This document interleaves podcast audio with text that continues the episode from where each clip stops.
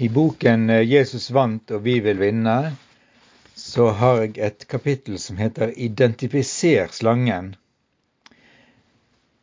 Og slangen er jo den, på mange måter den viktigste personen vi møter i eh, syndefallsberetningen. Og etter Bibelens forklaring så også en særdeles viktig skikkelse gjennom hele Bibelen helt frem til de siste kapitler. Så la oss si litt om han. Og jeg har undertittel 'Fra engel til Satan til ydmyk slange'. Hvem og hva er slangen? Eller skal vi spørre hvilken åndsmakt representerer slangen? For det er klart at den slangen vi møter i Bibelens urfortelling, ikke er en hvilken som helst slange. I Bibelen blir denne slangen personifisert. Han er Guds motstander og har én hensikt å stå imot Gud og ødelegge alt det gode Gud har skapt. Det hebraiske navnet Satan betyr anklager. Det står ikke mye om ham i Det gamle testamentet. I første Mosebok er han slangen. I Jobbs bok er han nevnt ved navn. Noen tekster er i kristen tradisjon tolket som omtale av djevelen, eller personene som er beskrevet av bilder av Satan. En av disse tekstene finner vi i Jesaja-boken, kapittel 14. I Bibelselskapets oversettelse har den overskriften 'Spottevise om kongen i Babel'. Han kalles undertrykkeren, beskrives som den som slo folkene uten stans, og som forfulgte uten nåde. Han som var så stolt, er støtt ned til dødsriket. Utsagnene 'du har falt ned fra himmelen, du har slengt til jorden', er beskrivelser som passer på Satan. Det var han som sa til himmelen vil jeg stige opp, høyere enn Guds stjerne reiser jeg min trone. Jeg vil gjøre meg lik den høyeste. Men denne skikkelsen kommer til slutt under Guds endelige dom. Han kastes ut og støtes ned. Det andre avsnittet, som omhandler en skikkelse som kristen tradisjon har tolket som et bilde av Satan, finner vi hos profeten Esekiel i det 28. kapittel. Det handler om fyrsten av Tyros, det innledes med følgende ord. Fordi ditt hjerte er håmodig, har du sagt, jeg er en gud, jeg sitter på en gudetrone. Men fordi fyrsten av Tyros tenker slik, feller Gud dom over ham. Han blir styrtet i avgrunnen. Denne skikkelsens tilholdssted var i Eden, Guds hage, fortelles det videre. Han var usedvanlig vakker, salvet og innsett av Gud. Men fordi han ble håmodig, dømte Gud ham og kastet ham til jorden. I Det nye testamentet får vi mer undervisning om Satan og djevelen. Og vi kan si når vi får så konkret beskrivelse av djevelen i Det nye testamentet, kan vi også lettere gjenkjenne ham i det gamle. I evangeliene møter vi på ham helt fra begynnelsen av i Jesu gjerning. Han står han står fram som fristeren og kalles djevelen, på gresk diabolos, og Satan. Han er fyrste over onde ånder. Jesus sier at djevelen er den gode bondens fiende, slik at han sår ugress i åkeren til bonden for å ødelegge for ham. Jesus selv drev onde ånder ut av mennesker, og han gir disiplene sine makt og myndighet til det samme. En gang anklager jødiske skriftlærde Jesus for å stå i ledtog med Beelzebul, men Jesus svarte, hvordan kan Satan drive Satan ut? Dette forteller at Satan var en del av jødisk teologi på Jesu tid. Til sist forteller evangeliet at Satan for inn i Judas slik at han forrådte Jesus. Legen Lukas forteller de samme historiene som Matteus og Markus om befrielse fra onde ånder og han har et realistisk syn på djevelen og de onde åndene som kommer fra ham. Men Jesu makt er sterkere enn alle disse onde åndskreftene. Jesus er seierherren i alle konfrontasjonene. I apostlenes gjerninger forteller Lukas flere historier om befrielse fra onde ånder. Johannes er i sine skrifter veldig tydelig på at djevelen er en realitet. Det, kan, det samme kan sies om Paulus, han beskriver djevelen som en virkelighet, og han konfronterer ofte de onde åndene. en konkret slange. Men hvem eller hva er slangen? Er det bare en litteraturfigur for en personlig eller upersonlig kraft? Hva står slangen for, eller hva symboliserer den? Hva sier Det gamle testamentet selv? Hva sier jødisk teologi? Og hvor mye sier Det nye testamentet? Hva lærte de første kristne teologene? Vi siterer først på nytt fra første Mosebok. Slangen var listigere enn alle de ville dyrene som Gud hadde laget. Den sa til kvinnen, Har Gud virkelig sagt? Og så, da, slange, da sa slangen til kvinnen, Dere skal slett ikke dø, men Gud vet at den dagen dere spiser av frukten, vil øynene deres bli åpnet, og dere vil bli som Gud og kjenne godt og ondt. Og så kommer det igjen. Herre Gud spurte kvinnen, hva er det du har gjort? Kvinnen svarte, slangen narret meg, og jeg spiste. Og så kommer det avgjørende ordet. Da sa Herren Gud til slangen, forbannet er du, på buken skal du krype, og støv skal du spise alle dine levedager. Jeg vil sette fiendskap mellom deg og kvinnen, Slangen beskrives her svært konkret. Den er mer enn et vanlig dyr, nemlig et dyr med personlig ansvar. Den er en slange som frister kvinnen til ulydighet mot Gud. Den er en slange som er frekk nok til å si at Gud lyger, og fører mennesket bak lyset. Leser vi noe allerede her i slangens første ord, der han kaller Gud bare Gud, og ikke Herren Gud. For Herren Gud i sammensetning er ellers konsekvent omtalt i resten av skapelses- og syndefellsberetningen. Sier forfatteren av første Mosebok noe om slangen allerede der? Slangen kaller ikke Gud for Herren Gud. Han vil rett og slett ikke tilbe Gud som Herren. Satan i slangens skikkelse vil selv være herre. Han vil støtte Gud ned fra den tronen som bare tilhører Gud, for å innta den selv. Først fikk han andre av himmelens engler med seg. De ble som onde åndsmakter. Nå, i fristelsen av Eva, vil han ha de jordiske menneskene med seg.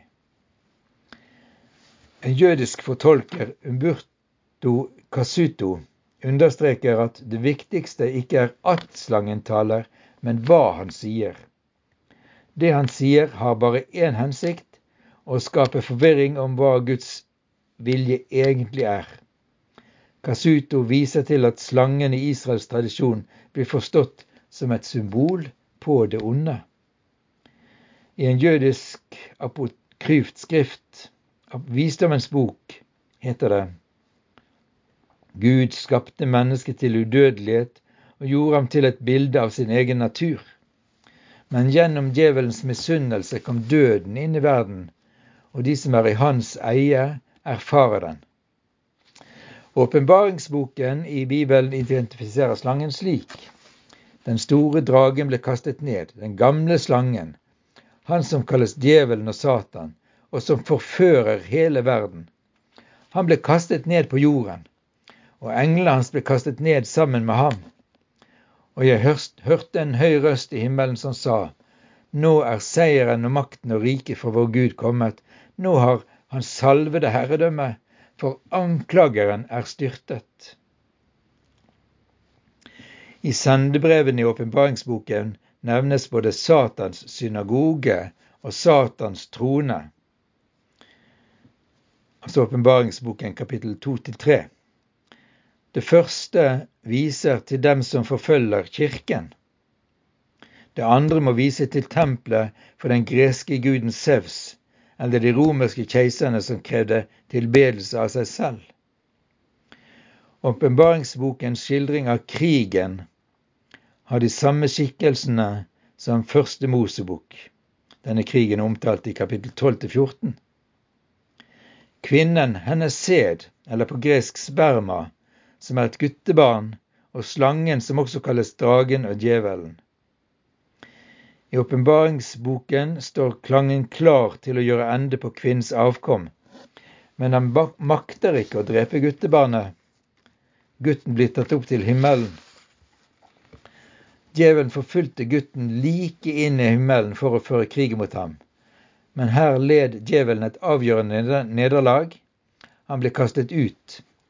Frustrert over at han ikke klarte å ødelegge gutten, vender han sin vrede mot kvinnen for å ødelegge henne. Men Gud kommer kvinnen til unnsetning. Det er kanskje ikke så lett å tolke alle detaljer, men ser vi bildet? Jesus har sagt at den verden som ligger i det onde og er slangens ett, vil forfølge hans disipler, liksom den har forfulgt han. Når djevelen ikke klarer å gjøre ende på Jesus når den hogger han i hælen, men tvert imot fikk sitt hode knust ved Jesu død på korset og oppstandelsen, retter han all sin vrede mot Jesu disipler, menigheten. Denne krigen kommer han til å føre helt fram til det ordet blir oppfylt som er skrevet mot slutten av åpenbaringsboken. Satan skal dra ut og forføre folkene i alle fire verdenshjørner og samle dem til strid. Og de er tallrike som havets sand. De omringet de helliges leir og den elskede by. Men ild for ned fra himmelen og fortærte dem. Og djevelen som hadde forført dem, ble kastet i sjøen med ild og svovel, hvor også dyret og den falske profeten er. Der skal de pines dag og natt i all evighet. Og Så har vi dette begrepet om at slangen skal stikkes, slikke støv. Mike Willis skriver i magasinet Truth Magazine. Slangen forførte Eva til ulydighet mot Gud. Da Gud forkynte dommen over slangen, den kroppsliggjorte djevel, sa han, fordi du gjorde dette skal du være forbannet. På buken skal du krype, og støv skal du ete alle dine levedager.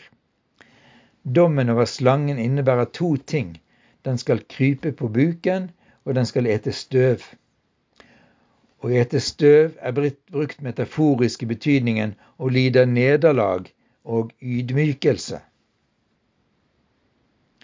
Profeten Mika er inne på dette når han skriver om andre folks forhold til Israel. De skal slikke støv som ormen, lik dem som kryper på jorden. Fra sine skjul skal de komme skjelvende fram for Herren vår Gud. De skal gripes av redsel og frykt for deg. I en salme heter det De som bor i ørken, skal bøye kne for ham, altså Messias, fienden skal slikke støvet. Og Jesaja profeterer om Sion. Konger skal kaste seg ned for deg med ansiktet mot jorden og slikke støvet foran føttene dine. Da skal du kjenne at jeg er Herren. Uttrykket 'slike støv' forteller om slangens nederlag og underordning. Hele sitt liv skal den få denne behandlingen. Dommen over slangen gjelder både slangen og dens ett. Johannes skriver presist om grunnen til at Jesus åpenbarte seg. Det var for å gjøre ende på djevelens gjerninger. Og så skal vi si litt om eh, falne engler og onde ånder som slangens ett. Den første gruppen Bibelen definerer som slangens ett, er de falne englene og demonene. Slangens ett er ikke bare en enkelt person, selv om det ville være naturlig å tenke på Antikrist som Jesu Kristi motbilde, og som den verste enkeltfiende av Gud og Guds folk. Den greske forstavelsen, betyr, forstavelsen anti kan bety både i stedet for og imot. Jesus sier nå felles dom over denne verden, nå skal denne verdens fyrste kastes ut. Johannes 12, 31. Han sier litt senere jeg skal ikke si så mye mer til dere om dette, for verdens fyrste kommer. Men han har ingen makt over meg. Og igjen, dommen er at denne verdens fyrste er dømt. Johannes 14, 30. Paulus skriver i Efeserbrevet at vi ikke har kamp mot kjøtt og blod, altså mennesker, men mot makter og myndigheter og ondskapens ånde her i himmelrommet. Slangens ett inkluderer de englene som fulgte Satan i hans opprør mot Gud og fall fra himmelen. Teologen og forkynneren Derek Prince gir en bibelsk fundert utleggelse av hvem Satan er, og hvor han er, etter opprøret mot Gud, nemlig i himmelrommet, i en tale med tittelen The Structure of Satan's Kingdom. Isaiah 14, Esekiel 28 og Daniels bok er viktige avsnitt for å forstå Satans opprør mot Gud, hva det betyr at han befinner seg i himmelrommet. Judas, broren til Jesus, skriver om engler som ikke tok vare på sitt høye verv. Dem holder Gud bundet med evige lenker til dommen på den store dag. Judas sammenligner disse englene med folkene i Sodoma og Gomorra, som levde i hor og unaturlige lyster. De ble straffet med evig ild og er blitt et advarende eksempel, skriver han. Peter skriver sannsynligvis om det samme. 2. Peters brev, kapittel 2. Gud skånte ikke engler som hadde syndet, men styrtet dem ned i avgrunnen hvor de holdes i varetekt med mørkets lenke til dommen. Peter skriver i denne sammenhengen om den gamle verden. Det er først gjennom Noah, som ble reddet fra storflammen, at Gud gjorde ende på de ugudeliges verden. Deretter nevner han også at Gud la Sodoma og Gomorra i aske og dømte dem til ødeleggelse. Slik ble de avskrekkende eksempler for dem som senere ville leve et ugudelig liv. Med disse to eksemplene ser vi at læren om de falne englene har vært en del av urkirkens teologi. De falne englene er, først, er første gruppen av slangens ett. Dernest har de dratt med seg mennesker, slik som folk på Noas tid og innbyggerne i Sodoma og Gomorra. De blir derfor eksempler på den andre gruppen av slangens ett. Og vi vil si litt mer om det. Det vi kan kalle mennesker, kan ha djevelen som åndelig far. Den andre gruppen av slangens ett er mennesker som er influert i tanke og liv av djevelen. Judas Iskariot er et slikt eksempel. Han hadde tillatt djevelen å få rom i sitt liv mer og mer. Til slutt tok djevelen fullstendig styring. Han forrådte Jesus, og etter det skjedde noe enda verre. To, Judas tok sitt eget liv uten å ha fått gjort opp for syndene sine. Djevelen hadde nådd sitt mål med Judas, og føre ham i fortapelsen. Vi kan tenke på andre mennesker i historien som det har gått like ens med. Det er ikke nødvendig å nevne navn, men vi kjenner til noen når vi tenker oss om. Jesus sier han i en intens diskusjon med sine motstandere Jeg vet at dere er Abrahams ett. Etnisk er de Abrahams ett, men åndelig sett har de en annen far. Jesus fortsetter. Var dere Abrahams ett, Abrahams barn, gjorde dere som Abraham, men dere vil drepe meg. Dere gjør som deres egen far. Og Jesus fortsetter, var Gud deres far, da hadde dere elsket meg. For jeg har gått ut, ut fra Gud og kommer til ham, kommer fra ham. Dere har djevelen til far, og dere vil gjøre det deres far ønsker. Han har vært en morder fra begynnelsen av og står utenfor sannheten, for det finnes ikke sannhet i ham.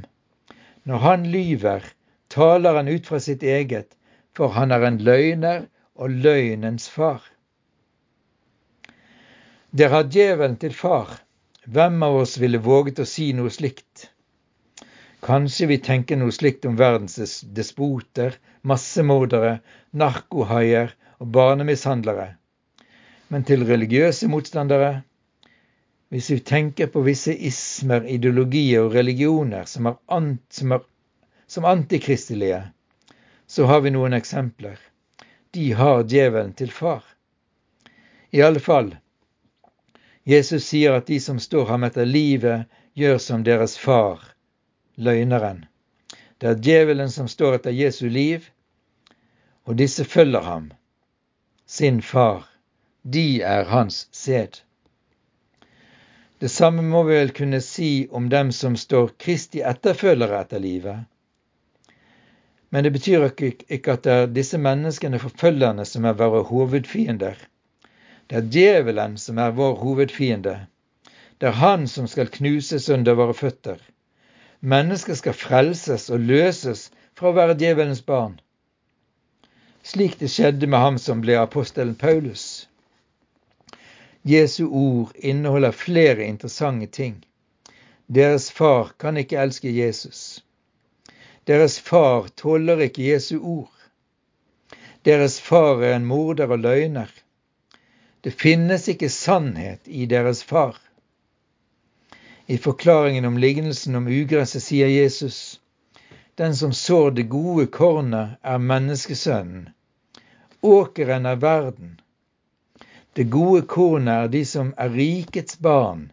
Ugresset er den ondes barn. Fienden som sådde ugresset, er djevelen.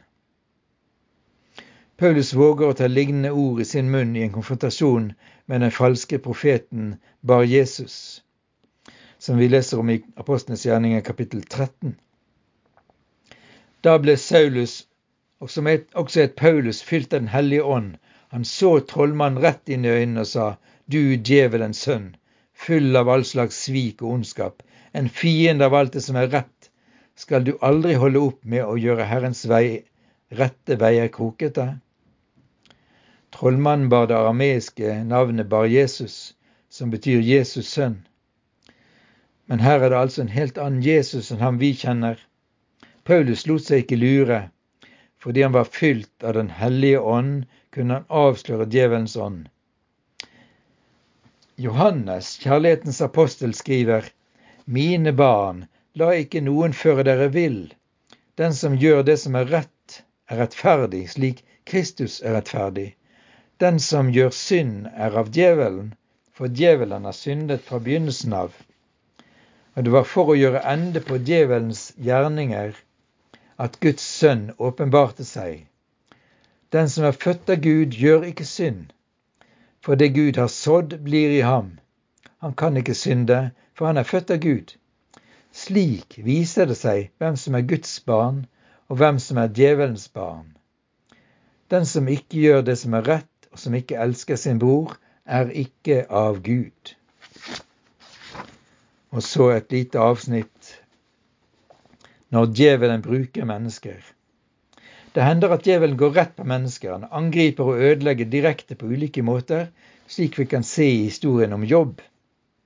Han frister og lokker gjennom våre sanser, lyster og ved at det reiser seg tankebygninger i oss, slik som det skjedde med David i Bibelen. Men ikke sjelden forfører han mennesker til å være redskap for seg i angrep på andre mennesker. Da slangen fristet og forførte Eva og Adam, var det ingen mennesker der han kunne bruke. Men senere skjer det ofte, kanskje oftest, at djevelen bruker mennesker, enten det gjelder forførelse, forfølgelse, vold, ødeleggelse eller store vanskeligheter. Han kan bruke både enkeltmennesker og hele grupper. Guds folks motstandere i verden prøver å bekjempe Kirken. Slik har det vært siden Herodes, Pontius Pilatus og Nero, som representerte de politiske kreftene i prosessen mot Jesus og de første kristne. Religiøse ledere representerte det religiøse. Selv om uttrykket 'slangens ett' først og fremst beskrives i Det nye testamentet som makter og åndskrefter, verdens hersker i dette mørket og ondskapens ånde er i himmelrommet, så hadde Paulus selv rikelig erfaring av at det nettopp er mennesker som stiller seg til rådighet som redskap for Guds kamp mot Gud og hans folk.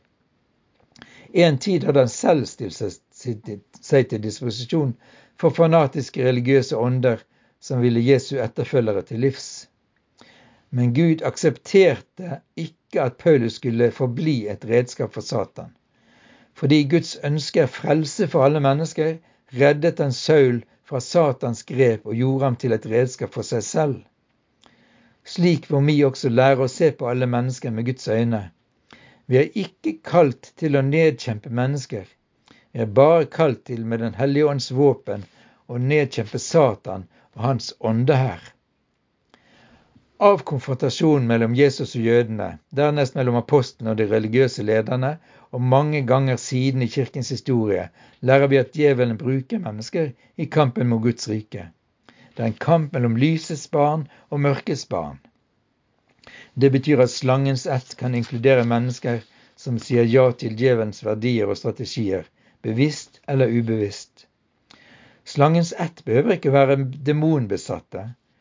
De kan være vel så mye slike som Paulus beskriver i begynnelsen av rombrevet, mennesker med villfarne tanker, eller slike som Paulus selv var da han ble kalt en nykjær religiøs person som trodde han handlet på Guds vegne.